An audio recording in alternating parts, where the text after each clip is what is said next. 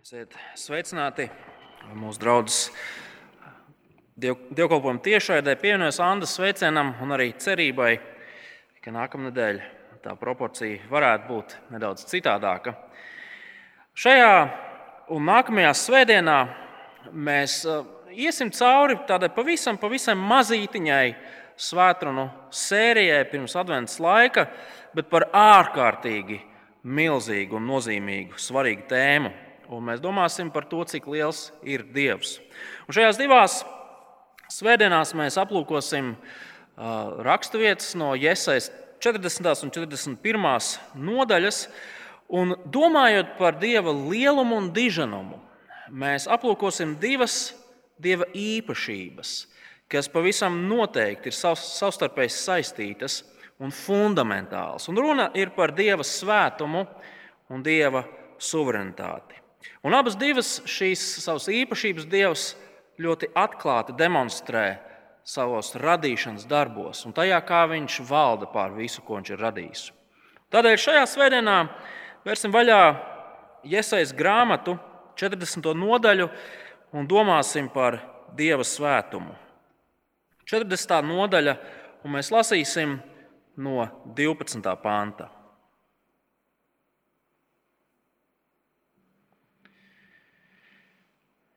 Kas ar sauju ūdeņus izmērījis, kas debesis rokām aptvēris, kas zemes pīšus mērtraukās sabēris, kas kalnus svaros nosvērs un ar atsvariem pakalnus? Kas kunga garu ir izmērījis, kas viņam padomu dos? Kam viņš padomu prasīs, vai viņam ko paskaidrotu, lai viņu mācītu tiesas lietās, lai viņam mācītu zināšanu un saprāšanu? Redzi, tautas kā piliens kausā, kā puteklis pie atsvara. Redzi, viņš paceļ salas kā smilšu graudu. Lebanonā nepietiek malkas, tur nepietiek zvēru dedzināmajiem upuriem. Visas tautas nav nekas viņa priekšā. Tās viņam nieks, vien un sīkums. Ar ko jūs Dievu salīdzināsiet? Ar ko viņu samērosiet? Vai ar tēlu, ko izlaiž amatnieks, vai ko zeltkals ar zeltu pārklājis, un kam sudraba ķēdes nokalis. Kam tāds upuris nav pa spēkam, tas izraugās koku, kas nepūst. To izvēlas gudrs amatnieks, lai uzsliet elku, kas nekust. Vai jūs nezināt, vai jūs nedzirdat, vai jau no iesākuma jums nav sacīts, vai kopš zemes radīšanas jūs nesajēdzat, kas sēž pār zemes jūmu? Tās iemītnieki ir kā siseņi, kas debesis izstiepj kā aizkaru, kas tās izpleš kā telti, kur dzīvot. Viņš varano par nieku padara, zemes valdnieku pataisa par neko. Knapi iedēstīti, knapi iesēti, knapi saknes laiduši, zemē iesakņojušies.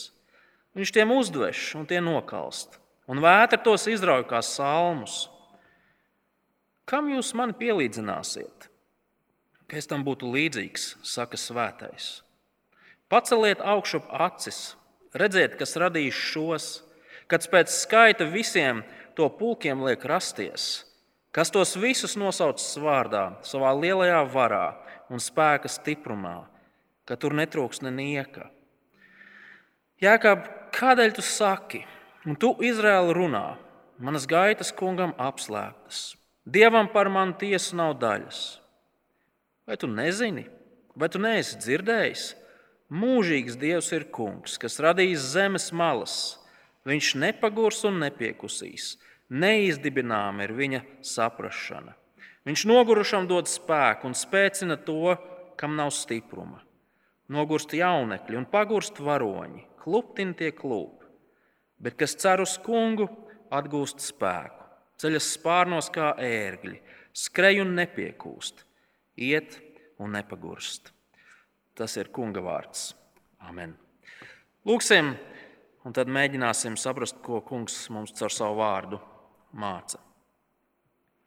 Zāle nokalst, ziedi novīst, bet mūsu Dieva vārds paliek mūžam. Patiesi šodien mēs lūdzam māci mūs caur savu nezūdošo, patieso dzīvību, glābjošo un dzīvi mainošo vārdu. Lai tavu vārdu augļi mūsu dzīvēs nepazustu. To lūdzam Kristus vārdā. Amen. Cik liels ir Dievs, kuram mēs ticam? Kā jūs atbildētu uz šo jautājumu? Vai ļaujiet man uzdot vēl tiešāku jautājumu? Vai mūsu ikdienas dzīve liecina par to, ka mēs ticam lielam Dievam? Vai mūsu dzīve liecina par to, ka tas Dievs, kuru mēs apliecinām, kuram mēs ticām, ir varano apsolījumu un piepildījumu Dievs, visu zinošais radītājs, varenais valdnieks pār visu, kas pastāv, taisnīgais tiesnesis, uz kuras spriedumu mēs ceram un gaidām, labais tēvs, no kura nāk ikviena laba dāvana. Vai mūsu ikdienas lēmumi, dzīvesveids, rīcība, komunikācija savā starpā un ar apkārtējo pasauli norāda uz šo lielo dievu? Redziet, mēs savā kristīgajā dzīvē varam nonākt situācijās un apstākļos, kad, kad mūsu mēlē saka vienu, bet realitāte rāda kaut ko citu. Mēs savā dzīvē varam demonstrēt šaubas, neziņu, pārpratumus, jautājumus. Un savā dzīvē, dzīvojot to parasto ikdienas dzīvi, mūsu Dievs realitātē, nu, vismaz ārēji, pavisam noteikti, nav tik liels, kā mēs gribētu. Mūsu priekšā esošajā grāmatā mēs redzam vārdus, kas ir rakstīti tautai, kas gāja cauri ārkārtīgi nemierīgiem laikiem. Visapkārt eh, pastāvēja milzīgas lielvaras, kas vēlējās Izraēlu tautu iznīcināt. Pa vidu lielvarām atradās bezgalīgi daudz mazākas tautiņas, kuras visas berzēja roķeles, gaidot to brīdi, kad dieva ļaudis tiks sakauti un iznīcināti. Iesaistīts grāmatā mēs redzam brīnišķīgus apsolījumus, ko Dievs dod saviem ļaudīm. Ka kādu dienu Viņš viņus atjaunos, izglābs, kādu dienu Dievs būs kopā ar saviem ļaudīm šajā grandiozajā valstībā un cēlajā Dieva pilsētā. Bet tā viņš šķiet, ka līdz šo apsolījumu piepildījumam būs kari, krīzes, bēdas, posts, trimda, nāve Un, draugi, kāds tur brīnums, ka redzot šo skarbo dzīves realitāti, viens otrs jūt pie sevis, sāk domāt, Dievs, tu esi devis visus šos grandiozos apsolījumus. Bet vai viņš tiešām to piepildīs? Dievs ir solījis būt kopā ar mums, bet vai tiešām viņš ir? Skatieties, šīs dienas raksturīts 27. pantā. Jēkab, kādēļ tu saki, un tu Izraēlu runā, manas gaitas kungam apslēptas, dievam par manu tiesu nav daļas. Šajā pantā mēs redzam problēmu.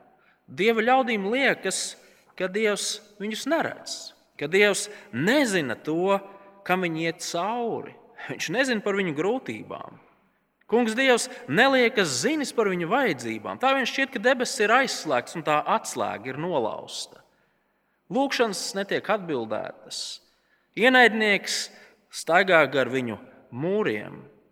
Visapkārt ir savilkušies melni mākoņi, bet dieva nekur nav. Sakiet, vai arī mēs reizēm nepiedzīvojam kaut ko līdzīgu?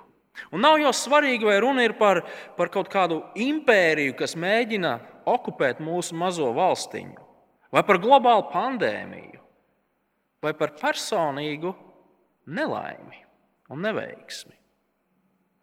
Kungs jau neredz, kā man šobrīd iet. Nu, it kā viņš ir varants, it kā jau viņš saka, ka ir klāts. Bet vai tiešām viņu interesē tas, kas šobrīd notiek ar mani? Vai viņam tiešām interesē tas, kas notiek ar kristiešiem? Viņam tiešām interesē tas, kas notiek ar mūsu draugu. Un ko Iesai par to visu saka? Iesai saka, ceri uz to kungu. Ceri uz to kungu. Iesaja sarakstīdams šo nodaļu, savu lasītāju ved tieši pie šīs reakcijas. Ceri uz to kungu. Skatieties, 30. un 31. pantā. Nogurst jaunekļi un pagurst varoņi, kluptin klūp. bet kas cer uz kungu, atgūst spēku, ceļas spārnos kā ērgļi, skrej un nepiekūst, iet un nepagurst. Cerēt, jeb mēs varam teikt, gaidīt uz kungu, nenozīmē sēdēt divānā un gaidīt, kamēr dzīves vētras paies garām un dzīve kļūs jaukāka. Nē, šī cerēšana un gaidīšana notiek vētrā, esot vētrā, esot dzīves grūtībās, esot tam visam par vidu. Cerēt uz kungu nozīmē turēties pie viņa apsolījumiem. Savai dvēselē teikt, tas, ko kungs ir solījis, patiešām piepildīsies. Neskatoties uz to, ko mans acis redz un ausis dzird. Bet tā nav tikai turēšanās pie šiem apsolījumiem, tā ir arī šo apsolījumu izdzīvošana savā dzīvē. Paļauties uz kungu līdz galam, lai kas arī apkārt nenotiktu. Un Iesais saka, šādi turpinot cerēt, gaidīt uz kungu, ticīgie iegūs jaunu spēku jaunu enerģiju, turpināt iet uz priekšu. Iet uz priekšu cauri grūtiem laikiem un labiem laikiem. Un, protams, lai to darītu, ir jābūt skaidrai pārliecībai par to, kāds ir šis Dievs, uz kuru mēs ceram. Un Iesaija vēlas, lai viņa lasītāji, ja tā var teikt, savas domas no jauna pārfokusētu Viņi ir zaudējuši asumu. Viņš grib, lai viņa lasītāji no jauna ieraudzītu to, kāds tad ir Dievs. Iesai uzskata, ka ārkārtīgi svarīgi, ka mums ir pareizs skatījums uz to Dievu, kuram mēs ticam. Un, lai to panāktu, Iesai īstenībā izmanto divas lietas. Pirmkārt, viņš parāda to, cik nesalīdzināms ir Dievs, kuram mēs ticam. Un otra lieta, viņš parāda to, cik niecīgi ir visi pārējie, pat visvarenākie šīs zemes valdnieki un varas. Un abas šīs lietas kopā ņemtas parāda to, ka Dievs īstenībā ir absolūti citādāks, atšķirīgs no jebkā, kas pastāv. Tāpēc viņš pavisam noteikti ir spējīgs būt kopā ar saviem ļaudīm un piepildīt to, ko viņš ir solījis. Dievs ir nesalīdzināms radītājs. Līdz pat 26. pantam pats Dievs aicina savus klausītājus atbildēt uz vienu vienīgu jautājumu. Ar ko jūs mani salīdzināsiet? Kam es esmu līdzīgs? Un turklāt svarīgi ir pievērst uzmanību tam, kādā vārdā Dievs šajā nodaļā tiek nosaukts. Ātri lasot, mēs tam pavisam noteikti paskaidrojam garām, bet skatieties 25. panta beigās. To visu saka svētais. Kad Bībele runā par, par Dievu kā par svētu, tā primāri nerunā par Dievu kā par šo morālo pilnību, par, par personu, kas visu vienmēr dara pareizi. Jā, tā ir vārda svētas nozīme, šis, šis morālais pārākums. Taču primāri Dieva svētums apzīmē viņa citādumu. To, ka viņš ir pilnīgi nošķirts no visa pārējā. Dievs ir absolūti citāds, absolūti atšķirīgs un pāri esošs visam citam, ko vien mēs varam iedomāties. Ja gribat šajā visumā, kurā mēs dzīvojam, šajā pasaulē, pilnīgi visu var salikt tādās kā kategoriju kastītēs. Visu mēs varam sadalīt. Bet Dievs ir ārpus šīm kategoriju kastītēm. Dievs ir pāri tam visam esošs. Dievs nav ieliekams nevienā kastītē. Un tieši, šajos, un tieši šo patiesību mēs redzam šajos pantos. Dievs ir radītājs, un kā radītājs viņš ir absolūti nesalīdzināms. Skatieties, 12. pantā, kā šī raksturība sākās. Kas ar sauju ūdeņus izmērījis, kas debesis rokām aptvērs, kas zemes pīšļus mērtraukās sabērs, kas kalnus svaros nosvērs un ar atsvariem pakalnus Mēs redzam Dievu kā tādu celtnieku, kurš, kurš gatavojas projektam. Viņš precīzi zina, zina, cik ūdens ir jāielai jūrās un okeānos. Baltijas jūrā, Klusajā okeānā. Viņš ir izmērījis, kādu attālumā ir jānoliek zvaigznes, debesu ķermeņi, galaktikas viena no otras. Viņš nolēma to, cik daudz zeme ir jāiebar šajā planētā, lai rastos kontinenti, valstis, salas kalnu un pauguru augstumi dievam ir zināmi. Everests, Gaiziņš. Cilvēki bieži vien diskutē par to, cik augsti ir šie kalni un pauguri. Dievs to visu zina. Protams, šie panti nav, ja tā var teikt, zinātnes grāmata. Tā ir dzēja, kurā Jēzus raksta par ārkārtīgi svarīgu patiesību. Viss, ko Dievs dara, šis radīšanas darbs ir kārtīgs, pārdomāts, skaidrs, sakārtots. Reizēm zinātnieki runā par, par visuma smalko noregulējumu. Tas, tas nozīmē, ka viss šajā visumā pastāv precīzi tā, kā tam ir jābūt, lai šajā visumā varētu būt dzīvība un tās pārpilnība. Dievs ir varens meistars, kurš rada. Turklāt Dievs šo precīzo radīšanas darbu ir izdarījis viens pats. Viņam nebija vajadzīga padomdevēja komanda, palīgi. Skatieties, 13. un 14. pantā, kas kunga garu ir izmērījis, kas viņam padomu dos, kā viņš padomu prasīs, lai viņam ko paskaidrotu, lai viņš mācītu tiesas lietās, lai viņam mācītu zināšanas, saprāšanu Ja jūs braucat pa kalnciem ielu vanšu tiltu virzienā, tad netālu no mūsu mājām šajā brīdī tiek remontēta ietve.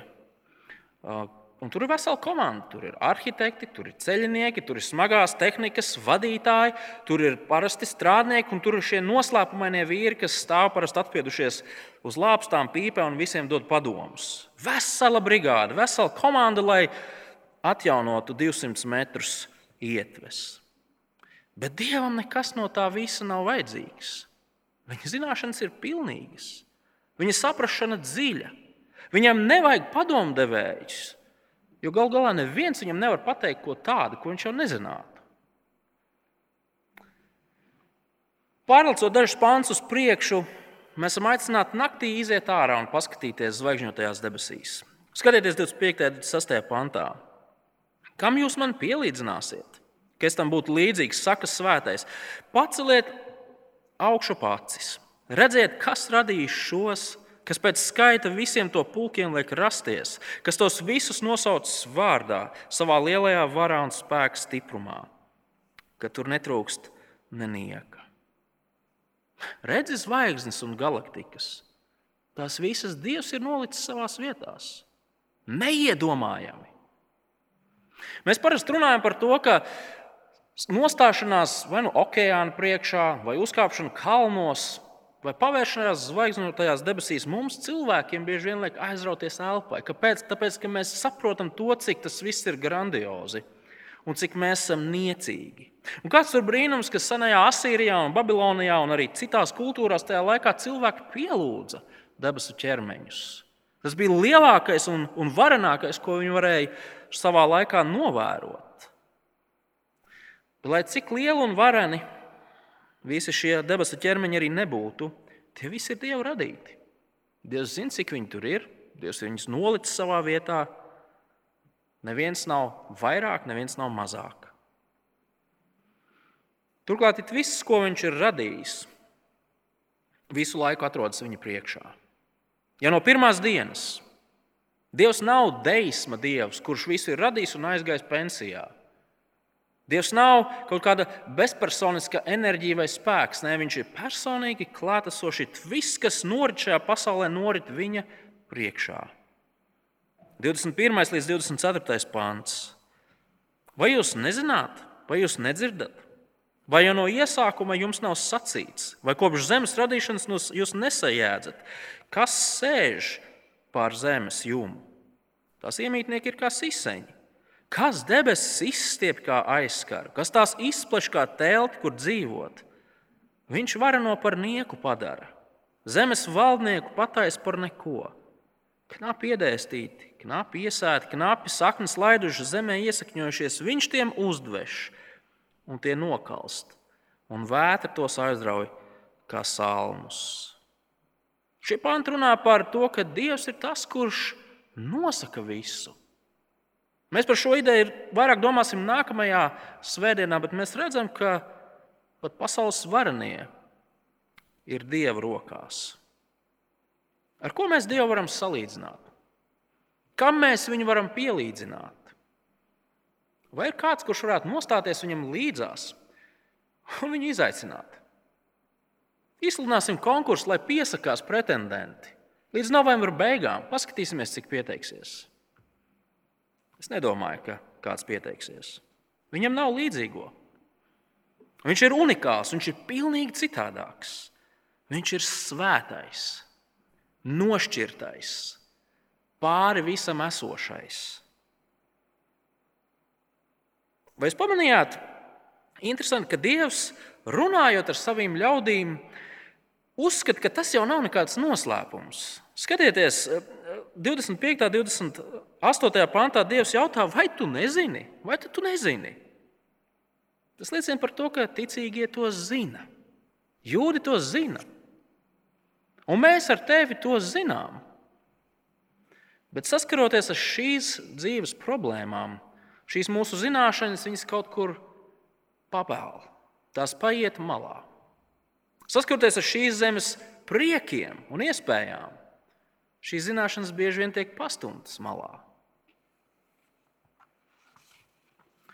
Angļu mācītājs Džeims Pakers savā grāmatā pazīt, pazīt Dievu, raksta, ka problēma ir tā, ka mēs kā cilvēki par Dievu domājam ar cilvēku domām. Viņš saka, citāts, tāpēc, ka mēs esam ierobežoti un vāji, mēs domājam, ka arī Dievs reizēm ir kaut kā ierobežots un vājš. Un mums ir ārkārtīgi grūti noticēt tam, ka tas tā nav. Citāta beigas. Šie iesaistas grāmatas panti mūs aicina mainīt mūsu domas par Dievu. No jauna nofokusēt savas domas, lai tās pareizi raugās uz Dievu. Dievs nekādā ziņā nav tāds kā mēs, vai jebkas cits, ko mēs sev apkārt varam redzēt, piedzīvot, izjust. Dievs ir absolūti citādāks. Viņš ir nesalīdzināms radītājs, un viss pārējais ir radība. Dievs nav kaut kāds čomiņš. Dievs nav kaut kāds šis Latviju dainu sirmais tētiņš, kurš staigā pāri zaļajām pļavām. Dievs nav kaut kāds cilvēku pakalpiņš un vēlmju izdabātājs. Dievs nav kaut kāds mistisks spēks, enerģija, kaut kāda mitoloģiska būtne. Dievs ir radītājs. Dievs ir visa pārvaldītājs, Dievs ir pasaules uzturētājs, Dievs ir pasaules tiesātājs, Dievs ir daudz pārāks, daudz lielāks, daudz citādāks nekā mēs varam savā niecīgajās galvās iztēloties un aptvert. Draugi, it visam ir jādrab šī Dieva priekšā. Cilvēkam ir jākrīt garšļauk uz Dieva priekšā. Tieši tas ir tas, ko mēs redzam Mūzes gadījumā, Jēzus gadījumā, vēl viens otrs cilvēks saskaroties ar paša dieva godību. Viņi saka, vai man? Man ir jāmirst, jo es dievu esmu redzējis. Visa cilvēka dzīve ir šī dieva priekšā un šī dieva rokās.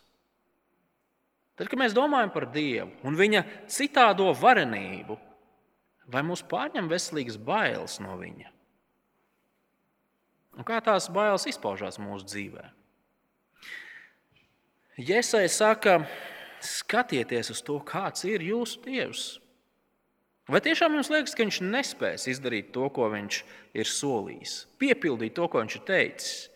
Vai tiešām jums liekas, ka šīs zemes grūtības, šīs zemes izaicinājumi, šīs zemes pārbaudījumi, šīs zemes varanie Dievam sagādās problēmas īstenot to, ko viņš ir teicis?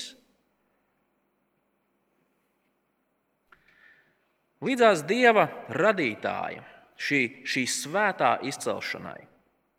Raksturvieta pievēršas arī tā laika pasaules varenajiem. Autors vēlas, lai ticīgajiem būtu pareiza perspektīva, pareizs skatījums, skatoties uz šīs pasaules varenajiem, varām, spēkiem, notikumiem. Un runājot par lielvarām, kas apdraud izrēliešus, Dievs saka, tas viss ir niecīgi. Cilvēks ir niecīgs, viņš ir kā piliens spainī. Skatieties no 15. līdz 17. pantam. Redzi, tautas kā piliens kausā, kā puteklis pie atsvara. Redz, viņš paceļ salas kā smilšu graudu. Lebanonā nepietiek malkas, tur nepietiek zvēru sadedzināmajam upurim. Visas tautas nav nekas viņa priekšā. Tās viņam nieks vien un sīkums. Ebreju valodā vārds sīkums nozīmē tukšums, nekas. Dievs raugās uz savu tautu apsēdušajām lielvarām, Asīriju, Babiloniju, Eģiptu un vēl kādas citas, kas dažādos vēstures posmos ir bijušas ap, ap Izraēlu un saka, ha! Tas ir kā piliens, kas izpilda no mana kausa, no mana vakariņu trauka. Tas ir kā tā piena pīle uz, uz galda, kas paliek pāri pēc brokastu pārslām. Tas tie pasaules varmnieki ir tāda pilīta uz palodzes, pēc tam, kad es esmu aplaistījis puķis. Es pat nepievēršu tai uzmanību, es to nekad neuzslauku, tā pazudīs. Protams, cits stāsts ir, ja mazie bērni palīdz laistīt puķis. Tad, tad, tad vecākiem gan ar lupatām ir jāstāv blakus, bet par to mēs te nerunājam. Tas ir kā mazs piliens, pilnīgi nenozīmīgs. Varanās tautas ir kā tāds puteklis, kas ir pielikts pie atsvariem. Tieši šodien biju uh, tirgū pēc dārziņiem un domāju, vai es ieraudzīšu kādu no tiem cimperlīgajiem pircējiem, kas parasti piesienās par to, lai tiešām tas pārdevējs tur nepiemet kaut kādu savu pirksta galu tam, tam pirkumam klāt. Un pat viscimperlīgākais pircējs, vismaz es tādu neesmu redzējis, neteiks, pak, pak, pak, pak vispirms noslaukt putekļus no atsvariem. Tad, draugi, ir smieklīgi. Putekļi uz atsvariem. Kurš tam pievērš uzmanību? Kas ir šī laika lielvars? G20. Kas ir, kas ir Amerika? Kas ir Krievija? Kas, kas ir Ķīna? Kas ir viss pārējais? Kas ir ANO, kas ir NATO, kas ir Eiropas Savienība? Piliens spāņa dibenā, puteklis uz mana galda. Kas ir pasaules ietekmīgie cilvēki? Tie, kas diktē visu, kas nosaka visu. Sīkums vien, nieks, nekas. Pieregulēsim to, kā mēs skatāmies uz Dievu, kā mēs skatāmies uz pasaules varenajiem. Iesaistīts laikā katrai tautai bija savi dievi.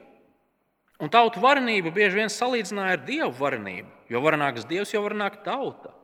Un apkārtējās tautas bieži vien bijās ne tikai no no saviem ienaidniekiem, no tautām, bet arī no viņu dieviem. Un Izraēla tauta nebija nekāds izņēmums. Bet ko Dievs saka par citu tautu dieviem? Skatieties, 18. un 19. pantā. Ar ko jūs salīdzināsiet, ar ko viņu samērosiet?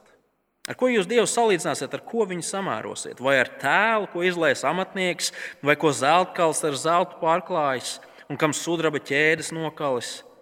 Kam tāds upuris nav par spēkam, tas izraugās koku, kas nepūst. Tu izvēlies gudrs amatnieks, lai uzslietu ēlku, kas nekust. Draugi, šie vārdi ir jauka humora pilni, lai neteiktu vairāk. No vienas puses, Dievs, visuma radītājs, un otras puses šīs, šī ar zeltu aplietā statuja. Vai kaut kāds tur ozols, kas ar naglu ir iedzīts dēlītī, lai nekustās. Iesaistīts laikā jūdi baidījās no, no Asīrijas, no Babilonijas, no citām lielvarām. Viņi uztvērš šo tautu un viņu dievus kā reālu draudu. Bet iesaistīts šeit saka, draugi, kas tad ir tie dievi? Vienkārši cilvēku prāta konstrukcija kas ir materializējusies cilvēku radītos priekšmetos. Dievs par to pasmējas. Tas nav nopietni. Kā jums liekas, cik godīgi būtu cīņa? Vienā ringa pusē stāv Dievs, otrā ringa pusē stāv šie varano tautu dievi. Cik godīgi būtu cīņa, ja es kaut kādā prāta aptumsumā uz cīņu izaicinātu slaveno Taisonu Fjūriju paboksēsimies. Nē, vēl labāk. Cik godīgi būtu cīņa, ja mans trīsgadīgais dēls Taisons Fjūri izaicinātu uz boxa maču. Draugi, es jums garantēju, ka vienīgais iemesls, kāpēc Taisons Fjūrijs būtu nokritis uz, uz šī boxa ringa dēļiem, ir tas, ka viņš vairs nevar nostāvēt no smiekliem. Nebūsim smieklīgi. Kas var stāvēt līdzās dievam? Kuru tautu dievu var nostāties viņam blakus? Draugi, mēs dzīvojam sabiedrībā, kurā cilvēki pielūdz daudzas dažādas lietas, daudz dažādas dievus, dievības, spēkus. Jā, varbūt latvieši, lai gan es tā uzmanīgi to saku, mēs esam aizgājuši no tā laika, kad katram mājās goda vietā stāvēja kāda koka figūriņa, vai, vai, vai mēs gājām uz sidraba birzi un vēl kaut kur citur. Taču, ieejot parastā lielveikalā, paskatieties, kādi žurnāli stāv plauktos. Astroloģija, par zvaigznēm, kaut kādas jocīgas, gnostiskas zināšanas, tas, tas, tas. tas. Cilvēki uzskata, ka tas kaut kādā veidā viņiem var palīdzēt. Vara, nauda, bauda, pieredze, zināšanas. Šīs lietas mūs izglābs, šīs lietas mūs pasargās, tās padarīs mūs labākus, drošākus, vairos mūsu labklājību. Tie ir tie dievi, kurus pielūdzam. Un, protams, laiks ir gājis uz priekšu, un mēs esam nonākuši laikos, kad, kad ir arī tādi, kas saka, tas viss, jebkāda veida dievi, tas viss ir piederošs pie viduslaiku tumsonības. Dievu vispār nav. Viss, kas ir šī materiālā pasaule. Un zinātnē viss izskaidros. Vēl nav viss izskaidrojis, bet dodiet tūkstošus gadus, tā visu izskaidros. Dievs skatās uz zvaigžņu vērotājiem, horoskopu lasītājiem un veidotājiem, un viņš smējas. Dievs skatās uz dabas pielūdzējiem, koku skāvējiem, un, un, un viņš smējas. Dievs skatās uz, uz šiem sekulāriem humanistiem, kuri kā mazi bērni, kuriem ir atņemta konfekta, sit dusmīgi kājiņi pret zemi un saka, Dieva nav. Dievs smējas. Viņš šādas skaidrojumus neuztur nopietni. Tieši tāpat kā Dievs pasmēs par jebkuru cilvēku radītu un veidotu reliģiju. Tas nav nopietnas. Tas nespēja dāvāt glābšanu, tas nespēja dāvāt drošību, tas nespēja pasargāt cilvēku. Ne šajā zemes dzīvē, kur nu vēl vairāk mūžībā. Dievu priekšā tas viss nobāla. Mēs skatāmies uz šīs pasaules vareniem, uz šīs pasaules notikumiem, uz šīs pasaules radītajām reliģijām, Mēs sākam šaubīties, mēs sākam baidīties, mēs sākam domāt, vai tiešām mūsu dievam būs pa spēkam visu novest līdz galam. Bet ko saka Iesai 23. un 24. pantā? Vēlreiz. Viņš vareno par nieku padara, zemes valdnieku pataisa par neko. Knapi iedēstīti, knapi iesēti, knapi saknes laidušas zemē iesakņojušies Viņš tiem uzdveš un tie nokalst, un vētra tos aizrauja kā salmus. Nekas un neviens, ne cilvēks, ne kāds cits spēks vai vara var nostāties līdzās dievam un viņu izaicināt. Dievs ir nesalīdzināms, pārāks, citādāks. Iesai norādot uz visu lietu niecību, Bībeles dievu padara vēl lielāku. Mans pieminētais Pakers tajā pašā grāmatā pazīt Dievu saka, ja vēlaties redzēt to, cik liels un varens Dievs, noliekiet viņam līdzās visvarenākās lietas un spēkus, kādus vien jūs varat iedomāties, un salīdziniet. Tik vienkārši, lai redzētu to, kāds tad ir Dievs. Un tieši to ar iesaistību palīdzību mēs esam cenšies šajā pēcpusdienā darīt. Un salīdzinot ar vareno dievu, šīs pasaules varenie ietekmīgi ir kā tāds piliens kausā, kā puteklīts, kā salma gabaliņš, ko vējš aiznes pa gaisu.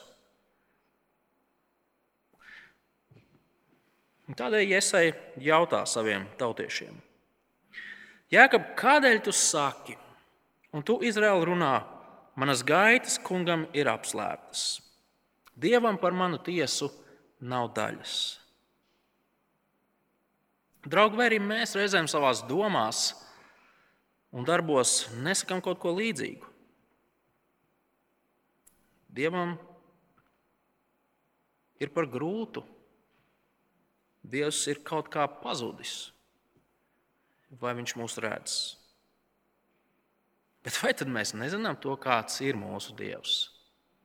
Ja mēs apsēžamies un padomājam, noliekot viņam līdzās visu, kas ir.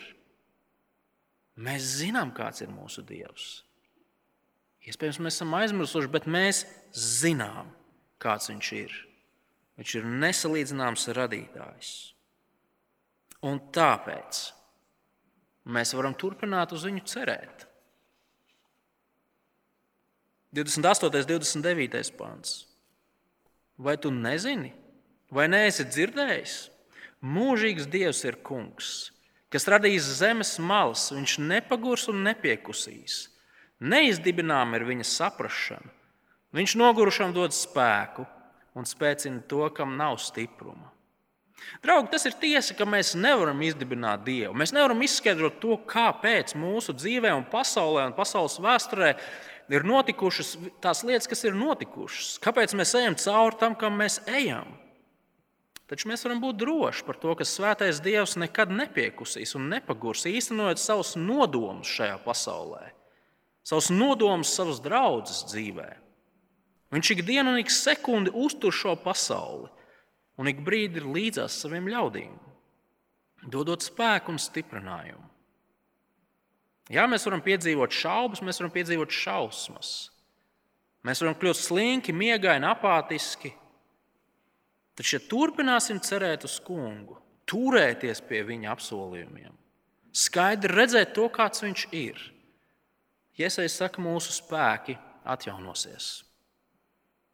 Nogurst jaunekļi un pagurst varoņi, kluptin klūp, bet kas cer uz kungu, atgūst spēku ceļas spārnos kā ērglis, skrej un nepiekūst, iet un nepagurst. Iesai vēlas, lai viņa tautieši un caur viņiem arī mēs no jauna ieraudzītu to, tad ir Dievs. Jā, ap mums bango vētras, un mūsu personiskās dzīves varbūt tās ir dažne dažādu pārbaudījumu pilnas. Bet skatieties uz Dievu, ceriet uz viņu. Iesai mūs izaicina pirmkārt mainīt to, ko mēs domājam par Dievu. Viņš tiešām ir mazs un nevarīgs, vai tiešām viņš ir ierobežots un vājš, vai tiešām šajā pasaulē ir kas tāds, kas viņam varētu traucēt piepildīt to, ko viņš ir nolēmis. Kas ir Covid? Lai kā tas arī nebūtu nonācis pie mums. Kas ir pasaules varano nodomi, slēptie un atklātie? Dievs ir nesalīdzināms ar visu. Viņa apsolījumi piepildīsies. Un vienlaikus iesai grib, lai mēs no jauna saprotam ne tikai to, kāds ir Dievs, bet arī to, kā Dievs izturās pret saviem ļaudīm. Dievs savais nekad nepamet. Patiesībā mēs esam daudz privileģētākā situācijā nekā Iesaijas sākotnējie lasītāji. Viņi gaidīja un cerēja uz Dieva apsolīto glābēju, kurš kādu dienu nāks, lai viņus atbrīvotu, pa īstam atbrīvotu no grēka varas un nāves. Mēs dzīvojam ar skaidru pārliecību, ka tas ir piepildījies, tas ir noticis. Dievs ir sūtījis savu dēlu, Jēzu Kristu, kurš mirdams pie krusta samaksāja par mūsu grēkiem, augšām celdamies no nāves, garantēja to, ka nāve ir uzvarēta.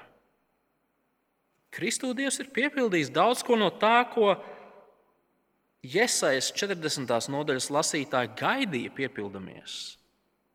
Vai tiešām Dievs nerūpēs par savējiem? Ja mēs tā domājam, reizēm mums iespējams mums vajadzētu nokaunēties. Dievs atdeva savu visdārgāko, lai savējiem garantētu glābšanu, dotu pestīšanu, drošu nākotnes cerību. Dievs ir ar savējiem, par savējiem. Un tādēļ, vai mēs piedzīvojam bēdas, pārdzīvojums, šīs zemes dzīves grūtības, turpināsim turēties pie Dieva. Viņš ir nesalīdzināms. Nekas viņu nevar apturēt, nekas viņam nevar patraucēt. Šis ārprātīgi, ārkārtīgi dižais Dievs zina, kur mēs katrs esam. Viņš zina tam, kam iet cauri mūsu draugs un draugs visā plašajā pasaulē. Un viņa nodoms mūsu dzīvē ir tikai un vienīgi labs. Un viņš dāvā atjaunot spēku ikvienam, kurš turpina turēties pie viņa, arī grūtībās. Un piebildīšu, turēsimies arī pie Dieva tad, kad dzīve ir labi, kad bizness, kad bizness plaukst un zeļ, kad visi ir veseli, kad, kad esam priecīgi. Arī tad turpināsim cerēt uz to kungu. Ir viens apsolījums, ko mēs kā Dieva ļaudis pēc Kristus joprojām gaidām piepildāmies. Un tas ir atrodams 1. Pētera vēstulēs, un ar to mēs arī beigsim. 1. Pētera vēstule, 1. nodaļa no 3. līdz 5. pantam. Slavēts lai ir Dievs, mūsu Kunga Jēzus Kristus Tēvs, kas savā lielajā žēlstībā mūs ir atdzendinājis dzīvai cerībai caur Jēzus Kristus augšām celšanos no miršajiem. Neiznīcīgam, neaptraipītam un nevīstošam mantojumam, kas ir uzglabāts debesīs jums kur tiekat pasargāti ticībā pestīšanai, kas sagatavota, lai Dievs to atklātu laiku beigās. Šis mūžīgais nevīstošais mantojums, debesu valstība, ir apsolījums, kas ir dots mums. Vai, vai Dievs to piepildīs? Piepildīs. Jo Viņš ir svēts Dievs, absolūti pārāks citādāks, varens. Par to mēs varam būt droši, lai kas arī šajā dzīvē nenāktu. Cerēsim uz viņu, līdz šis apsolījums piepildīsies, kā piepildās visi Dieva dotie apsolījumi. Lūksim Dievu. Labais dabas Tēvs, mēs esam Tev tik pateicīgi par to, ka Tu esi tik varens Dievs tik, tik citādāks. Un mēs atzīstam, ka reizēm mums ir grūti tam noticēt. Tiešām mēs savā vājumā arī tevi padarām vāju. Tās piedod, kad mēs tā darām. Un nu mēs lūdzam, dod, ka mēs no jauna varētu tevi teikt kā lielu varenu radītāju, kurš ir radījis mūs, kurš ir radījis vislielākās zvaigznes un planētas, galaktikas, kurš ir radījis. Un ka pielūdzot tevi kā šādu varanu radītāju, mēs varētu neuztraukties par to, kas notiek ap mums. Un ka mēs varētu tām grūtībām, ar kurām mēs saskaramies, kā draugi un kā individuāli kristieši, ka mēs tam visam varētu iziet cauri, turoties pie tevis, jūtot tavu atbalstu un jauno spēku, ko tu mums dod. Un tādā paļāvībā gaidīt uz šo nevīstošo mantojumu kas Kristū mums ir apsolīts un garantēts. To lūdzam Jēzus vārdā. Amen.